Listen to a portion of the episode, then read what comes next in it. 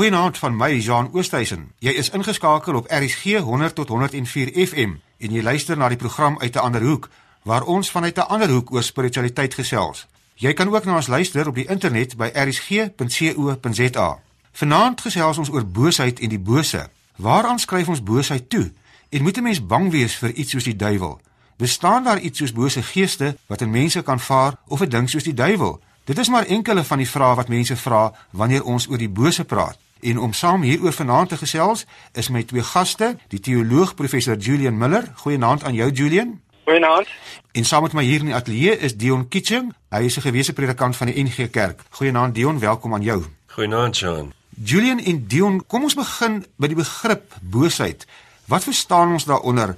Want ons kan tog nie ontken dat die wêreld vol boosheid is nie, nie waar nie, afgesien van hoe verskillende mense dit nou interpreteer of hoe dit manifesteer. Julian, kan ons aanvaar dat boosheid 'n gegewe in 'n werklikheid is? Ek dink mense, ons almal ervaar die lewe as kompleks met baie kante. Daar's goeie kante en daar's slegte kante. Mooi dinge, goeie dinge gebeur met 'n mens en daar gebeur ook met jou slegte dinge.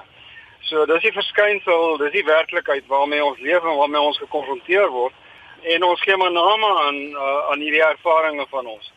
Een van die name wat ons gee aan negatiewe ervarings, dinge wat ons ook gewoonlik nie verstaan nie, is die begrip boosheid en die woord boosheid en dan ook daarmee saam begrippe soos die duiwel, Satan en so aan. Dion, hoe verstaan jy die begrip boosheid? Wat verstaan jy onder boosheid? Jean, ek dink ek sluit 100% aan by Julian as hy praat oor die feit dat 'n mens die lewe op verskillende maniere ervaar en dan ook verskillende name daaraan gee. Vir my gaan boosheid spesifiek daaroor dat dit anti-lewe is. Ek dink daar's verskillende paradigmas of raamwerke waarbinne 'n mens kan praat oor boosheid, maar ek sou volstaan by die feit dat boosheid vir my meer gaan oor die donker elemente, die donker kante van die lewe as 'n mens dit dan nou sê goed lewe bestaan uit elemente van lig en donker, dan is bose meer na die donker kant toe. En ek sou sê as 'n mens vra waar kom dit vandaan, ek weet nie of dit hier relevant is om iets daaroor te sê nie, dan dink ek dat 'n mens doodgewoon moet sê dit is deel van menswees. Goed, ons kan terugkom daarna toe Julian is elke mens tot boosheid in staat en wat veroorsaak dan dat sekere mense bose dade doen en ander mense nie? Hoe ontstaan boosheid? Dis 'n uh, komplekse saak hierdie natuurlik, né, nee, want die lewe is kompleks. Ek meen hierdie hierdie verskynsel van dat mense tot goed en tot kwaad in staat is is nie 'n maklike ding om te verstaan en te verklaar nie. Om om daai vraag te antwoord oor hoekom sommige mense tot verskriklike booshede in staat is en hoekom ons almal en as 'n mens kyk kollektief kyk na die samelewing en na die geskiedenis van die mensheid, hoekom daar baie keer sulke laagtepunte gebeur soos byvoorbeeld in die tyd van die nasisme en jy kan nou maar apartheid bysit en ander dinge. Hoekom daar baie keer sulke vreeslike slegte dinge na vore kom en waartoe mense in staat is, beide individueel en kollektief. Ek weet nie of daar 'n eenvoudige verklaring daarvoor is nie. Ek meen elke elke ding wat gebeur in die lewe het 'n klomp faktore wat meewerk daartoe dat dit gebeur. Daar's nie 'n eenvoudige antwoord op hierdie goed nie. En dit is ook 'n kulturele ding nie waar nie, want by sekere kulture is daar 'n baie groter bewustheid van wat as die bose beskou word as by ander kulture. Ek dink dit hang saam met ons lewenswêreld en lewensbeskouing, nê. Hoe hoe lyk die wêreld waarin ons leef vir jou? Waar het bestaan dit? Is dit vol uh, gepak met allerlei magte, negatiewe en positiewe magte wat enige oomblik 'n invloed op jou kan uitoefen en jou en beheer kan oorneem oor jou lewe? Of is die lewe in die wêreld vir jou geontmitologiseer, soos wat ek graag wil glo myne is en waarna ek ook streef? Met ander woorde, ondaan van al hierdie magte, bose magte, kragte rondom ons met 'n amper skoongemaakte, geontmitologiseerde lewe waarin uh, verklaringe op ander maniere, eenvoudiger maniere as net magte gesoek moet word. Kom ek kom ek vra vir albei vir julle en ek begin sommer by jou Dion, toe jy nou 'n kind was, het jy groot geword met die idee van die bose as 'n persoonlike wese, so sê maar die duiwel, of het die duiwel of die bose as 'n mag van buite nooit enige rol in jou grootword jare gespeel nie. Want die meeste van ons het tog maar groot geword met die gedagte van iets soos 'n duiwel. Ja, kyk ek het in die Karoo groot geword en ons het so uh, twee plekke gekuier of een plek gebly en een plek gekuier Die plek waar ons gekuier het is Hannover en daar is baie skape en ek het twee baie interessante tannies gehad, my ma se tannies en my tannies en die mense het met skape geboer en daar was 'n baie geankerdheid in die natuur rondom vir, vir hulle. So daar was 'n stuk werklikheid in die lewe en 'n stuk erns oor die lewe. En dit was my het my altyd opgeval dat die dit wat as duiwel genoem word, die duiweltjie op my skouer is of die duiwel fluister iets in my oor of so. Maar dit was amper meer 'n spottery of jy weet tong en kies verwysing daarna. So dis my my Hannover tipe teologie oor die bose magte. Maar dan as ek verskuif na ons ouer huis toe en nou hoor, het ons 'n predikant gehad wat uh, hierdie all hell and fire gepreek het en op die kansel geslaan het en verduidelik het hoe sondig en hoe sonde ons is. En ek dink ons sit nog steeds in daai paradigma, die hele kwessie van hemel en hel teologie. Dan wil ek net 'n derde een byvoeg en dit is dat toe ek hoërskool toe gaan, toe ons Bethlehem in die Vrystaat toe en daar het 'n uh, in Bethlehem moedergemeente 'n predikant gewees wat vreeslik duiwels uitgedryf het van naby duiwel die ou klassieke goed en so jy weet. En later toe ek nou begin studeer en met die goed besig gewees, toe kom ek agter die die die een wat by my die sterkste bly is die die Hannover teologie as ek dit sou mag noem, die een rondom die feit van ek, ek kan nie lekker die goed so alles aan die duiwel toeskryf nie. So ek het nie groot geword binne my sweer met 'n vreeslike vrees vir die Satan en wie die Satan doen dit en die Satan gaan dit doen nie. En ek skryf dit toe in 'n aardse atmosfeer. Ek later met my ouers, ag met my my, my vrou se ouers ook gesien. Ja, hulle was boere in die Vrystaat, weet die die ding het nie so lekker by hulle gefunksioneer nie. Julian, jou grootword jare en jou siening van die duiwel of die bose het dit verander oor die jare en uh, hoe het jy dit ervaar as 'n jong mens? Was jy ja, ooit was, was jy was jy ooit bang vir die duiwel geweest? Kan nie onthou dat ek regtig bang was vir die duiwel. Ek dink ek, ek sluit nogal aan by Dion. Ek het ook groot geword met die ding, die duiwel sit nou op jou skouer. My ma het dit vir my gesê as ek stout was. Nou die duiwel was op jou skouer sit. So mense het maar maar, maar daar was ook die bewustheid soos by hom dat dit daarom nie letterlik bedoel word nie, dat dit 'n bietjie uh, van 'n speelse ding is om jou tot verantwoordelikheid te roep. So die teologie waarmee ek groot geword het is definitief 'n meer aardse gereformeerde teologie van ons is verantwoordelik vir vir ons eie dade en ons moet uh, daarvoor verantwoordelikheid neem en pa staan daarvoor. Wat later aan gebeur het in my lewe is toe ek 'n student was, was ek betrokke by India sending, KJV India sending destyds in Pretoria. En deur hierdie India sending bedrywighede het ons in kontak gekom met nou die kultuur, uh, ander kultuur en ons het ook in kontak gekom en te wete gekom van mense wat in daardie sending omgewing met duiweluitdrywing gewerk het. So ek wil nou nie name noem nie, maar daar was bekende persone figure gewees wat bekend was daarvoor dat hulle duiwel sou uitdryf en nou, hulle het toe gesê maar in in sekere kulture is hierdie baie meer van 'n werklikheid as in ander kulture. Want ek het altyd gesê hierdie goed is nie vir my 'n werklikheid nie. My lewe bestaan nie uit sulke magte en duiwels en goed wat ewe skielik op 'n mens kan toeslaan en wat uit jou uitgedryf moet word nie. Maar dan word dan is daar gesê nee, maar in ander kulture is hierdie dinge baie meer van 'n werklikheid en uh, ek uh, het 'n openheid daarvoor gehad en wou dit ook graag uh, hê dat mense met ruimte maak daarvoor dat mense die wêreld op verskillende maniere sien en ervaar maar dit is nog steeds my nie uh, moontlik om te dink dat daar 'n werklike duiwel is wat uitgedryf kan word in sekere gemeenskappe en by sekere mense en op ander plekke bestaan hy eenvoudig nie.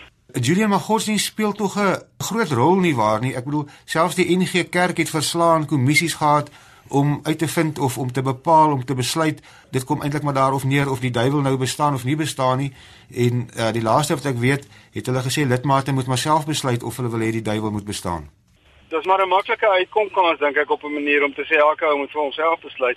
Die punt is ons het 'n geskiedenis van uh, 'n bietjie meer uh, letterlike Bybelinterpretasie ook in gereformeerde Afrikaanse kerke. Ons het daai geskiedenis.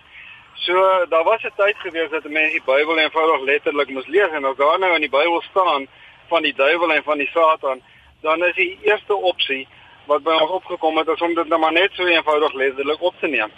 Ek dink vandag is ons geneig om die Bybel nie letterlik te verklaar en te interpreteer nie.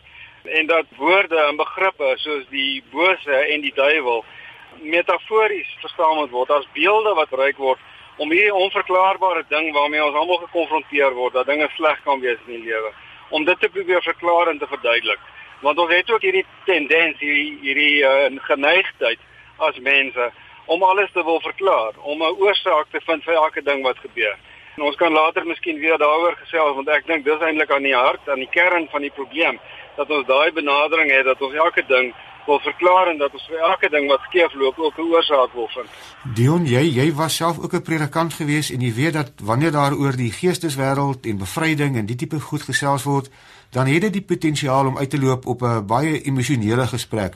Waarom dink jy is dit so 'n emosionele saak vir baie mense?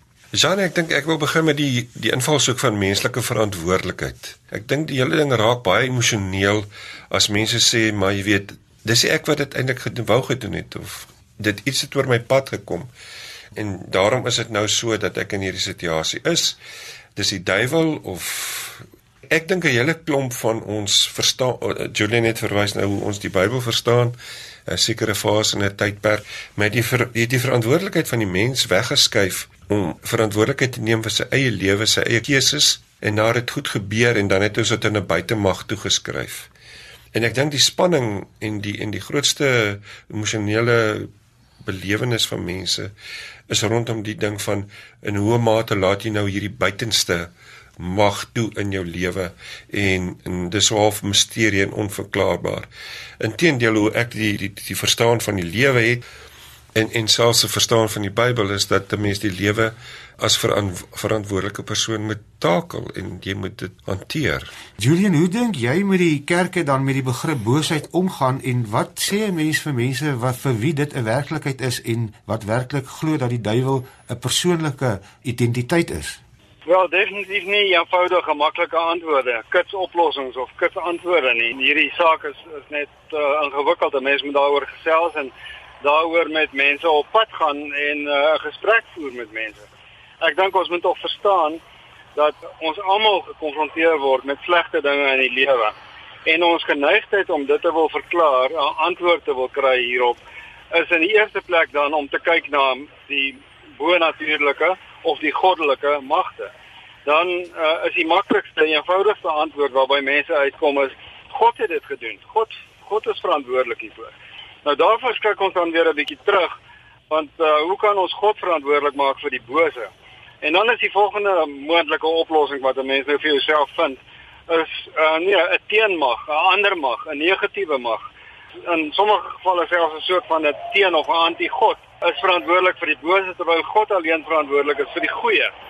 So 'n soort van 'n skema wat ons uitwerk om daarmee maar net vir onsself 'n antwoord te probeer kry op dit wat eintlik ja onverklaarbaar en onduidelik is. Ek dink as jy nou vir my vra wat moet die kerk doen, dan dink ek die kerk moet nou maar hierdie stories soos wat ek dit nou hier vertel min of meer met mense deel en verduidelik, jy weet, waar kom dit vandaan en hoekom is ons geneig om uh, vingers te wys na watter ander magte buitekant ons ook al in plaas daarvan om verantwoordelikheid te neem vir wat sleg is. As jy pas ingeskakel het, jy luister na die program uit 'n ander hoek saam met my Jean Oosthuizen en my twee gaste, die teoloog professor Julian Miller en Dion Kitchen, voormalige NG predikant. As jy ook 'n mening wil lig, kan jy vir ons 'n SMS stuur na 45770 teen R1.50 per SMS. Dion en Julian, terwyl die kerk volhou die duiwel en sy magte is deur Christus oorwin, word mense steeds in baie gevalle gewaarsku teen die volgehoue aanvalle van die duiwel wat 'n greep op 'n mens kry. As Christus dan die bose oorwin het, hoe kan die bose nog 'n greep op 'n mens kry of kan hy nie? Ja, hoe interpreteer 'n mens die oorwinning van Christus oor die bose?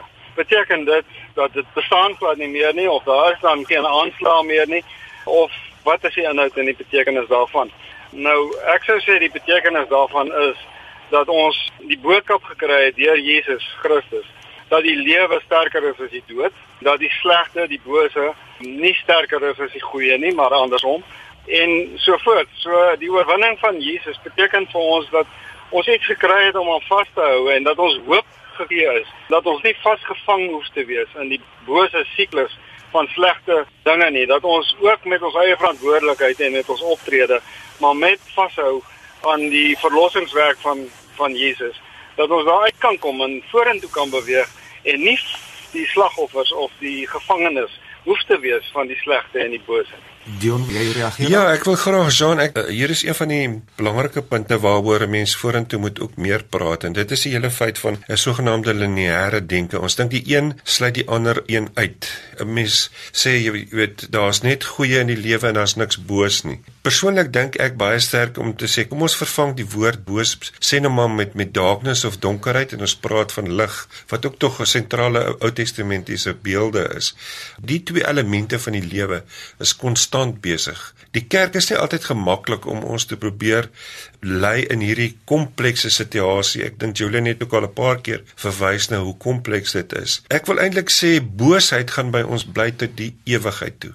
En dit is die keuse wat ons het om uiteindelik verantwoordelikheid te neem om te sê ja goed, ek gaan nou hierdie pad op of ek gaan die pad van die lewe op. So ek dink nie uiteindelik 'n mens moet sê ons is net boos of ons ons net goed nie. Die twee elemente gaan by ons bly. En dit het nie te doen met sonde of die geesteswêreld van die Satan wat nie dis net doodgewoon wie mense is. Ek sou graag 'n tweede ding wou sê rondom hierdie vraag van van die bose. En in 'n gesprek soos hierdie en baie ander gesprekke raak dit 'n baie individuele aangeleentheid. Weet die bose en ek, ek en die bose, ek en my emosies. Hoekom tref slegte goed te mense? En 'n mens, dink baie keer daaroor, baie individualisties, maar vir my gaan dit ook daaroor dat daar 'n groot stuk boosheid sit wat afwentel. Elder Kamara het al oor die goed geskryf wat hy praat van the spiral of violence en waar violence jy's as hierdie demoniese bose sien wat insak het indryf in sisteme in. Julian het vroeër verwys na sien nou maar sisteme soos apartheid of nasisme, maar ons lewe elke dag daarmee saam. En dit ek voel baie keer ons is nie so emosioneel of so intentioneel om dit uit te wys soos wat ons individuele demone uitwys nie. Ek wil 'n paar voorbeelde noem. Ek dink daagliks sit 'n mens met die probleem van as ons hier 'n lughawe toe ry, op ons linkerkant sit daar 'n klomp plakkerskamp mense wat elke dag en elke nag moet sukkel met reën of goed wat afbrand, jong mense wat nie studeertafels het en nou ek ken die situasie omdat ek iemand ken wat daar werk en ek het dit al gaan bekyk. En elke keer as ek daaraan dink, dan dink ek jy weet die boosheid het ook 'n 'n tipe van 'n dominiale mag. En die kerk sal moet ook baie sterk oor die goed praat. Julian as ek so na die luister dan klink dit vir my asof hy sê ons moet meer bekommerd wees oor die boosheid wat onsself veroorsaak as oor bose geeste iewers in die lug. Stem jy saam daarmee? Dis presies, jy het nou my gedagtes gelees. Ek dink ons moet eintlik probeer wegstuur van taalgebruik soos boosheid. Jy weet taalgebruik ja. waarmee ons die bose verobjektiveer. Ehm um, en dit is 'n fenomeen, onafhanklike fenomeen wat bestaan hanteer en dit dan nou een kant sit of bedreig voel daardeur. Ons moet liewer met die werk ook werk. En ons moet aanvaar dat mense in staat is tot bose, tot lelike tot verkeerde dinge, tot onverantwoordelike dinge. So dit gaan nie oor die boosheid nie. Dit gaan oor bose optrede. Dit gaan oor slegte, negatiewe dade van mense. En dit is die ons en die kerk se verantwoordelikheid om gedurig vir mense op te roep tot verantwoordelike optrede, etiese optrede, moreel etiese optrede en nie tot die maklike uitweg om sommer net een of ander mag of instansie of dan die duiwel verantwoordelik te wil hou vir wat verkeerd geloop het. Iets wat hand aan hand loop met die bose of dan die duiwel as jy dit so wil noem, is die sogenaamde bediening van bevryding, Julian, en jy het nou nou so flissies daarna verwys wanneer daar sogenaamde bose geeste uit mense gedryf word. Wat sou die verklaring vanuit 'n psigiatriese oogpunt dalk wees dat mense so sterk daaraan glo en as dit ware met hulle hand op die Bybel sal sweer, hulle het gesien hoe bose geeste uit mense gedryf word.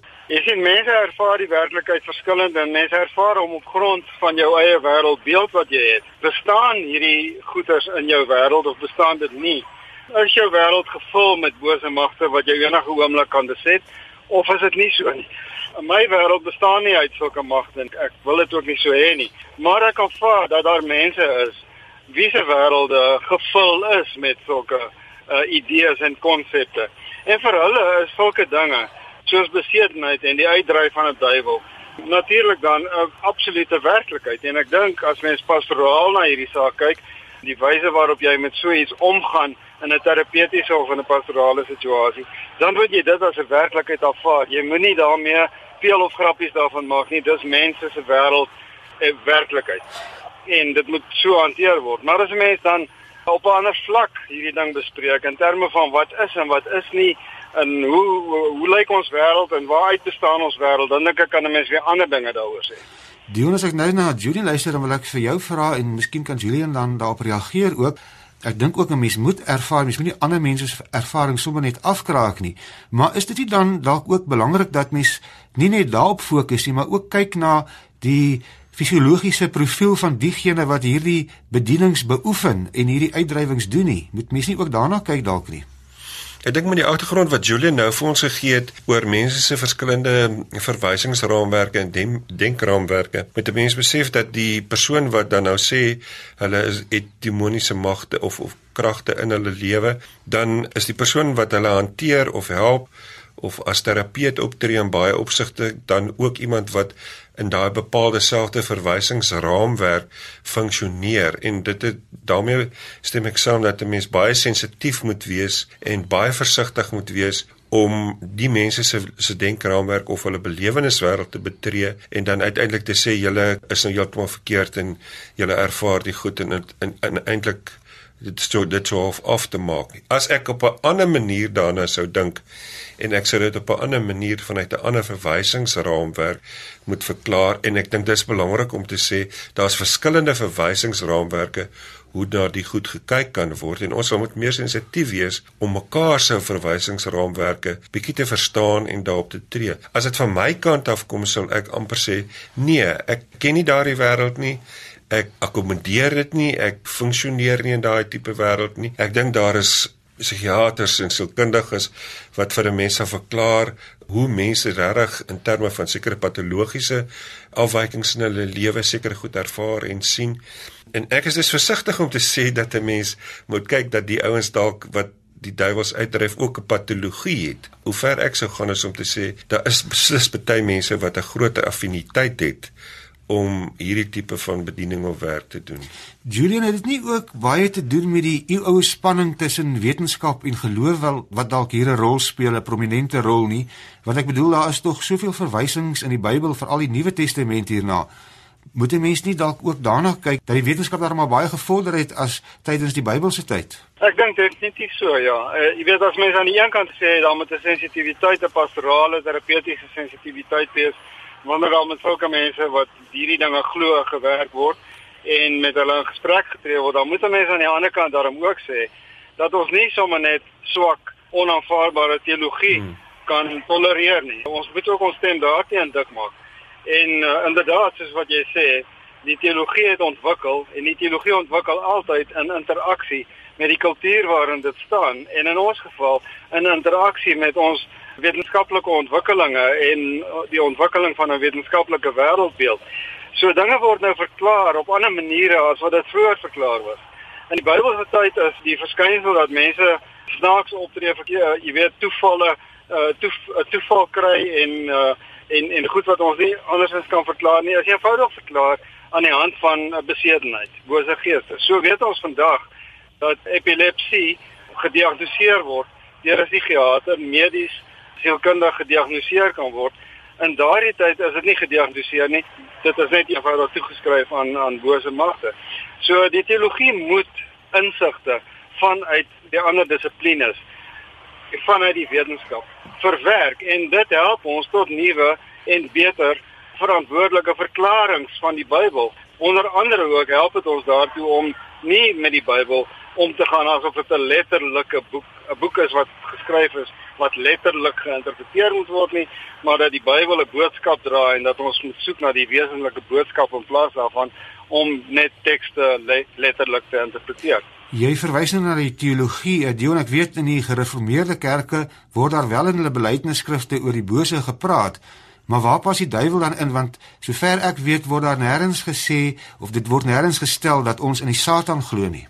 Ja, dis 'n moeilike een. Ek dink Julian het vir ons die pad oopgemaak om te sê dat binne 'n sekere tydperk en binne 'n sekere fase is Satan en die bose en die magte in sekere terme en terminologie beskryf. Ek dink net nie vandag is dit meer haalbaar om dit so te doen nie. Ek dink daar's ander konsepte en ander begrippe en ander maniere om dit te doen. En ek dink in daai opsig is dit onbillik om te dink mense wat nou nie dit meer so glo, dis nou afvallig is of verkeerd is of nie deel van die kerk behoort te wees nie. Ja, ek is onseker hoe om om die vraag te antwoord doodgewoon omdat ek so bang is daarvoor dat mense uiteindelik sal sê uh hierdie klomp mense glo glad nie in Satan nie of hulle glo glad nie in die duiwel nie en hierdie mense glo nog daaraan en soos so mense het hierdie hierdie skeiding in terme van op grond van die goed en terwyl dit baie meer genuanceerd behoort aangespreek te word. Julian, 'n slotwoord van jou kant af. Wat sal jou raad aan mense wees wat oor hierdie goeders wonder en wonder of 'n mens nou moet glo aan 'n boosheid of moet glo aan 'n duiwel nie? John, ek dink dit wat nou keer op keer uitgekom het in die gesprek is die klem op verantwoordelikheid en hmm. verantwoordelikheid neem vir ons dade en optrede en dit is nie net individueel nie maar ook kollektief. So baie keer is die dinge wat gebeur wat lyk asof dit die werk van die bose is sogenaamd doodgewoon die werk van mense op 'n onverantwoordelike vlak en dit moet aangespreek word en dit kan reggestel word. In plaas daarvan dat ons dus probeer om scapegoats te kry verantwo eh, iets verantwoordelik te hou of dit nou die Satan is of wat ook al in plaas daarvan laat ons liewer self verantwoordelikheid neem vir wat ons doen en hoe ons lewe verder ingerig word. Ons tyd is verstreke en ek weet daar is wyd uiteenlopende menings hieroor, maar baie dankie aan my twee gaste, professor Julian Miller, die teoloog, en aan Dion Kitchen, voormalige NG predikant, dat julle vir ons vanaand die duiwel help besweer het. As jy 'n mening wil lig, is jy welkom om vir ons 'n SMS te stuur na 45770 teen R1.50 of jy kan ook ons Facebookblad besoek. Die naam van ons Facebookblad is uit 'n ander hoek. Onthou, hierdie program, as ook al die voriges, is ook as potgoeie op RSG se webwerf beskikbaar. As jy my wil kontak, my e-posadres is jean.oosthuizen@gmail.com of volg my op Twitter by Jean Oost. Baie dankie dat jy saam geluister het. Goeienaand van my, Jean Oosthuizen. Tot volgende Sondag aand, weer net hier op RSG 100 tot 104 FM.